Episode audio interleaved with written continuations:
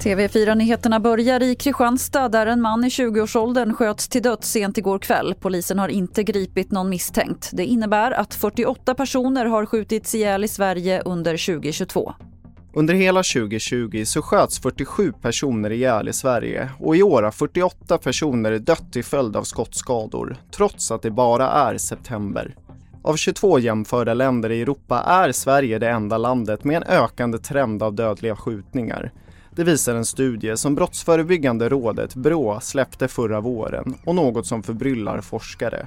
Klart är i alla fall att 2022 kommer bli det mörkaste året hittills vad gäller antalet dödsskjutningar. Reporter här var David Olsson.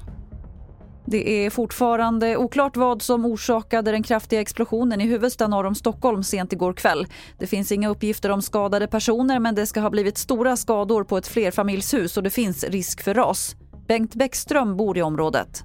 Det skakade ju till ordentligt. Alltså, det var en jäkla smäll. Och till sist kan vi berätta att ett jordskalv med magnituden 2,2 skakade Kiruna i natt.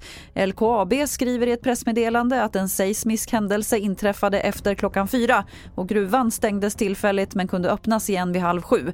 Ingen person ska ha kommit till skada i skalvet. Fler nyheter hittar du på tv4.se. Jag heter Lotta Wall.